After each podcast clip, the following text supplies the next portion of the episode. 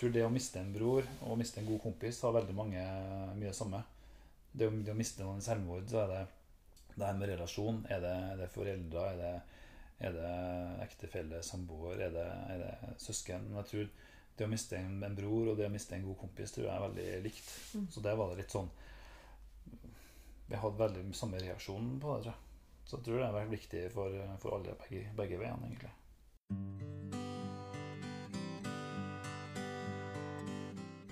Velkommen til en ny episode i Selvmordspodden. Nå er det en liten stund siden sist, men det betyr jo ikke at ikke vi har jobba med saken. Og det å jobbe med saken, eh, selvmordsproblematikk, det betyr at eh, det er mange interessante, engasjerte mennesker som brenner for denne saken. Og i dag er jeg så heldig å få med meg Ole Birger. Svensgaard. Jeg holdt på å si det feil nesten, men Ole Birger Svensgaard er en av disse som jeg har fått lov til å bli kjent med. Eh, gjennom en felles tragisk opplevelse. Også samtidig som jeg har fått blitt engasjert og inspirert av deg. Men det skal du fortelle meg litt mer om. Så Mm. Ole Birger, istedenfor at jeg skal fortelle alt om det, så får du lov til å fortelle litt om hvem er du, og hva er det som gjør at du engasjerte deg i dette. Ja. Jeg heter Ole Birger Svensgaard. eh, Bor i Trondheim. Nå sitter vi i Lillesand og, blir, og har eh, intervju til podkasten din. Mm. Det er fordi at jeg har eh, familie her. F- Foreldrene mine bor her. Nå trodde jeg du skulle si at det er for den fineste plassen i verden å feriere. Ja, det, òg. Det er lov å fiske litt. Selvfølgelig. ja, det er bra.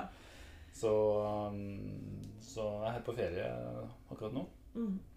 Vi har jo snakka sammen før, fordi at vi har, eh, som du var inne på, vi har, eh, har vært borti det, det samme. Eh, og mm, jeg er her fordi at jeg uh, mista broren min i selvmord i desember 2019. Eh, og da mm, var det det som skjedde i et, etterkant av det, eh, for det vi skal, skal, skal snakke om i dag. Husker du åssen vi to møttes, egentlig? Var det gjennom noen andre? Det, det, det husker jeg ikke. Nei? Jo, jeg hadde hørt podkasten din. Okay. Sånn var det. Ja. Og så var jeg på Sørlandet, og så var det, var det vel jeg som tok kontakt. Så tok vi en prat, da. Mm. Så, Men- ja.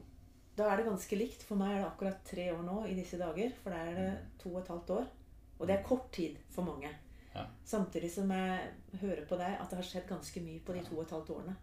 Jeg tror eh, altså Tid er jo relativt. For noen så er tre år kjempelenge. For andre så er det veldig kort. Så det der er nok veldig, veldig individuelt. da. Mm. Kan du fortelle noe om, om din bror? Min bror han var tre år yngre enn meg. Eh, han var, var veldig lik på mange måter, han og meg. Han hadde, han hadde ja, verdens kuleste jobb, kanskje. Han var, var pilot i et eh, stort flyselskap i Norge. Uh, og ja, helt van, på mange måter vanlig, vanlig fyr. Med familie, flotte folk rundt seg. Fikk til alt han ville gjøre, osv. Mm. Så som, som for de fleste andre som opplever det her, så, så kom jo det her midt i flisen helt uventa. Ingen signaler i forkant? Ingen som har fanga opp noen signaler i forkant, nei. Så han var ikke en trist fyr som folk gikk og tenkte at Mm. han her har det ikke bra? Altså alle uh, går vi jo gjennom litt problemer gjennom livet. Det er jo Mm. ingen, ingen liv som er uten noen fartshumper i ny og ne. Eh, bare litt for hans del så ble, så ble det kanskje mange fartshumper samtidig. Sånn at det var For han så ble det for, for vanskelig, da. Men jeg syns du har fortalt litt til meg før om at Ja. han var egentlig en veldig sånn sprudlende, Ja morsom fyr. Ja da, han eh, var Det var full fart hele tida. Ja. Ja. Så i forhold til eh, de to guttene mine, som nå er 14 og 15, da, så var jo han eh, Jeg, jeg når jo aldri opp til anklene til han engang i forhold til å være kul og morsom og, og sånn. Mm. Så ja.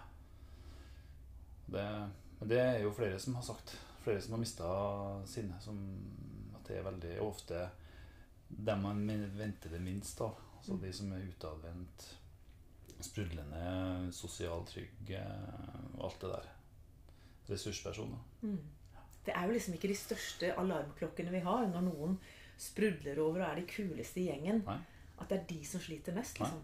Nei, Så jeg tror kanskje vi må være ekstra Altså begynne å utvide horisonten litt i forhold til å også kunne spørre de. Ja. Spesielt når du sier når det er flere ting Mm. som, som skjer på en gang. F.eks. samlivsbrudd eller økonomi eller noen ting som Mm. kommer inn og sier hvordan håndterer du dette? For det, fallhøyden blir jo mye større derfra. Hvis du er den kuleste og plutselig kjenner jeg, jeg har ikke den derre Jeg kan ikke være den jeg er lenger. Nei. Det kommer vi jo inne på i forhold til Vi skal snakke litt om forebygging senere i intervjuet. Og det, og det er jo det, er det som går igjen. Alle vi snakker med, er- er- kommer tilbake til det at det er mm, Hadde vi visst det vi vet nå, Mm. så kanskje vi kunne ha sett noen svake signaler. Ja. Og der har vi, vi jo vært. Det var svake signaler som vi, som vi kunne ha sett hvis vi hadde hatt, en, hatt kunnskap om det. Mm. Men den gangen så hadde vi ikke vi kun, altså Begrepet selvmord, ikke sant? Altså det å ta det å bruke de ordene, det hadde vi jo aldri gjort. Nei. Ikke sant? Fryktelig vanskelig. Og hvordan skal du da klare å, å konfrontere en, en person som sliter med, med om han eller hun har tenkt å ta livet sitt? Det vanlige folk er ikke, ikke der. Er det ok for deg å si litt om hvordan, hva som skjedde i desember 2019 for deg? Den dagen, eller hva, hva de gjorde med deg der og da? Ja, altså vi eh, Som jeg har sagt, jeg har ikke lyst til å gå så veldig inn i, i, i detaljer på, på hans liv og, og sånne ting, for det Mm. blir, det blir for privat, liksom. Det skjønner jeg veldig godt. Men, eh, i og med mitt engasjement i, i forhold til leve og forebygging og sånn, så, så er jeg veldig åpen på hva, på hva det gjorde med, med meg, da. Mm.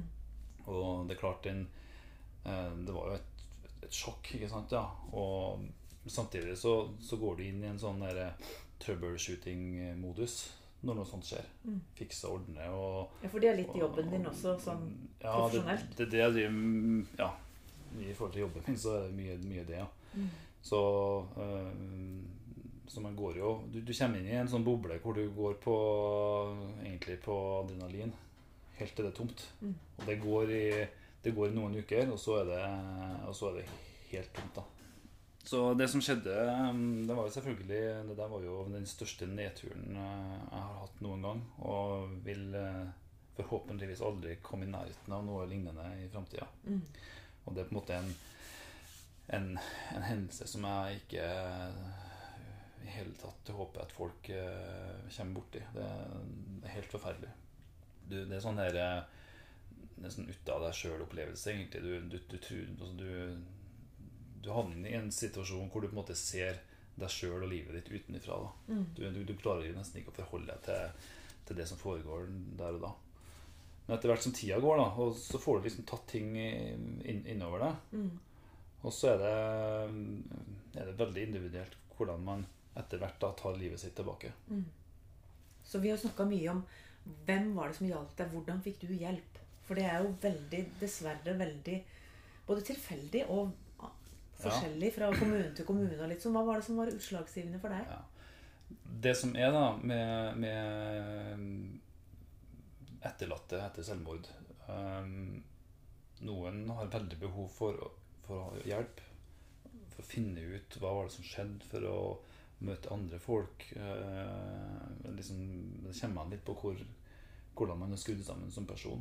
Andre folk ønsker helst å trekke seg tilbake og kanskje prøve å bare komme seg gjennom det på egen hånd. Mm. Men de aller fleste av oss vil dra nytte av en, en, en altså hjelp i en eller annen form fra andre. Og det som er da, at man, har, man står som etterlatt i akuttfasen etter noe sånt, så er det de færreste av oss som er egentlig i stand til å, til å oppsøke så, så mye hjelp. Mm. Um, For det er jo det man får. Du må bare ringe hvis det er noe du trenger. ja, det fins mye hjelp der, men du må være veldig proaktiv. Mm. Og sånn eh, fastleger og sånn er eh, Det her er heller ikke ting som de jobber med veldig mye. Så det er, ikke, det er veldig tilfeldig om du, om du får, får noe hjelp eller får noe, får noe tips og henvisninger egentlig derifra. Mm. Og det er ikke Um, nok at du har mista en veldig nær. Nei. Det vet jeg av erfaring. Ja. Nei, du, du har ikke noen diagnose, du, Anne, så du får ikke noen psykolog. Nei. Men du fikk psykolog. Hvorfor det? For de som, kan si det, for de som står aller nærmest, også barn og sånn, så, så, er det et, så er det et uh, opplegg, da. Men for uh, Hvorfor da? for, Det er fra, fra den kommunen jeg bodde i. eh, Så, Så kriseteamet kobla på ting i forhold til barna. Ja. Ja. Men bortsett fra det, sånn som søsken, foreldre osv., så, videre, Mm. så er det helt opp til oss sjøl. Så det jeg gjør, det. jeg har, jeg har en arbeidsgiver som har veldig gode forsikringsordninger. Ja. Så fikk noen timer med, med samtaleterapi med en veldig dyktig psykolog. da. Ganske kjapt etterpå, eller? Ja, det var snakk om noen dager etterpå. Oi. Eh, og så i en ja, tre-fire måneder etterpå. Da snakker vi umiddelbar og litt langvarig oppfølging. Ja, ja. Og det er jo det som trengs. ja. Så det var i hvert fall det funka for meg. Og så Mm. var det en annen ting som, som funka også. Det er flere, flere elementer her som, som på en måte har vært med på å, å hjelpe meg inn i den situasjonen, eller altså den til, tilstanden jeg er nå. da, En måte, kan leve greit med det. Jeg var også med tre-fire ganger i noe som kalles for sorgstøttegruppe. Okay. Og det er noe som eh, Hvem var regien på Det det? er regi av Leve. Oh, ja. Altså Landsforening for etterlatte etter selvmord. Mm. Der var jeg med i en sorgstøttegruppe sammen med fem-seks andre personer. Vi, vi treftes Ja, jeg var med på det der fire-fem ganger, tenker jeg. Var det en gang i uka eller en gang i måneden? Ja, eller en gang i måneden, ja. Ja.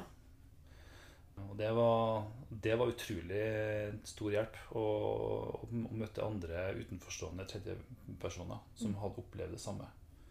Var litt forskjellige relasjoner, rikt- riktignok, men bare det å treffe noen andre utenforstående, som når du ser dem i øynene, så skjønner du at eh, oi, eh, de her skjønner virkelig hva det dreier seg om. Mm. Da, da ser du med en gang at du står ikke alene. Da. Det er, for de aller, aller fleste så er det til veldig stor hjelp.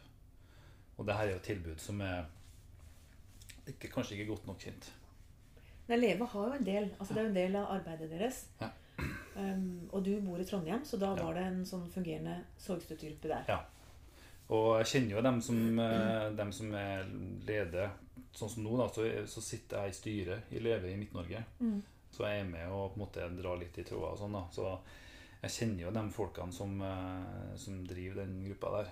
Og vi ser at det er, det er veldig uproporsjonalt. Altså hvis du ser på statistikken, hvor mange som, som dør av selvmord i Midt-Norge, kontra antall personer som oppsøker den sorgstøttegruppa, og også antall personer som oppsøker likepersonstjenesten Mm. hos Leve, så er det en mismatch der. Jeg tror det å miste en bror og miste en god kompis har veldig mange mye samme. Det å, det å miste noen i selvmord, så er det det her med relasjon. Er det, er det foreldre? Er det, er det ektefelle, samboer? Er det, er det søsken? Men jeg tror det å miste en, en bror og det å miste en god kompis tror jeg er veldig likt. Mm. Så der var det litt sånn Vi hadde veldig samme reaksjon på det, tror jeg. Så jeg tror det har vært viktig for, for alle begge, begge veiene, egentlig. Ole Birger, er det noe annet som var viktig for deg, og som hjalp deg i den tida etter at du hadde mista broren din i selvmord? Ja, det er jo familie, selvfølgelig. Nærmeste familie.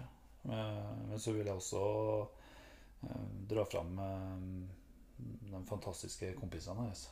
Han hadde, hadde veldig, veldig mange gode venner rundt seg. Og måten som de tok imot meg, da. Og det samholdet som, som jeg har, og den kontakten som jeg har hatt med dem i etterkant, det har, det har vært veldig viktig. Kan du være enda mer konkret på det? Hva var det de gjorde? For folk er jo liksom litt Det husker jeg iallfall med meg sjøl. At de var veldig sånn Jeg måtte sende på Facebook. Jeg. Dere må gjerne i hvert fall si hei. liksom Jeg orker ikke å ha så mye kontakt. Men Nei, det er ikke det. Det har vært litt sånn sporadisk kontakt, men liksom telefon, eh, meldinger, at man har møttes innimellom osv. Litt sånn åpen dør-policy. Ja. begge veiene, egentlig. ikke sant? Så det er jo også en sånn eh, greie som jeg kan vite at det å være helt aleine, som du har snakka om her, Mm. eh, tilhørighet Det at ikke du står aleine, at de kunne henvende seg til deg uten at det Ja. ble verre for deg. Ja. Men Det- klarte, og du, det- klarte du å ta telefonen når noen ringte i begynnelsen? Ja, ja. ja. Han tok alle telefonene.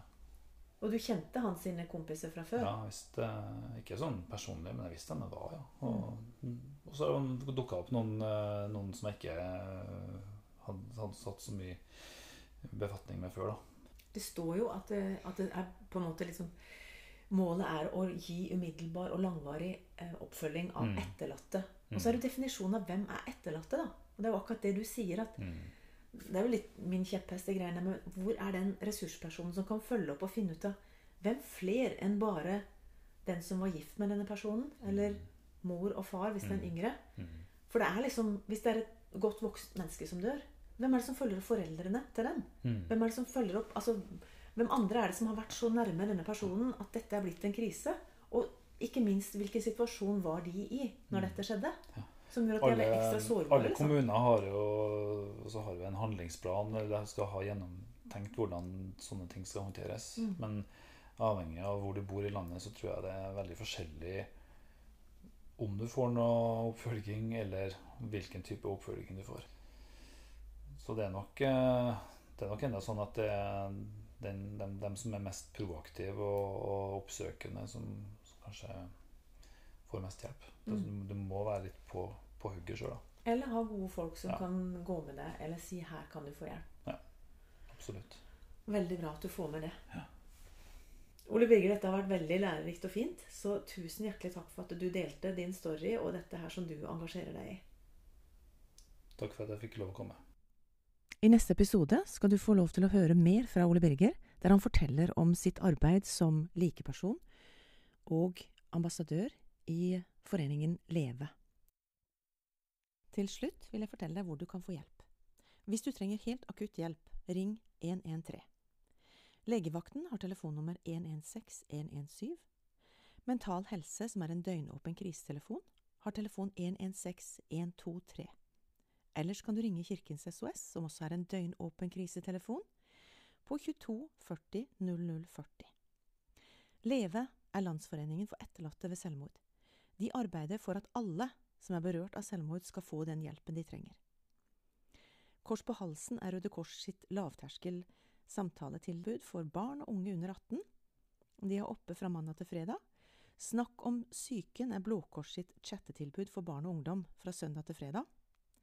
Ellers har stiftelsen Lillebrors minne omsorg for etterlatte, og der kan du få både samtaler avtalt, og du kan få være med på noen av de flotte arrangementene som de tilbyr. Da håper vi at du også blir med oss i neste episode.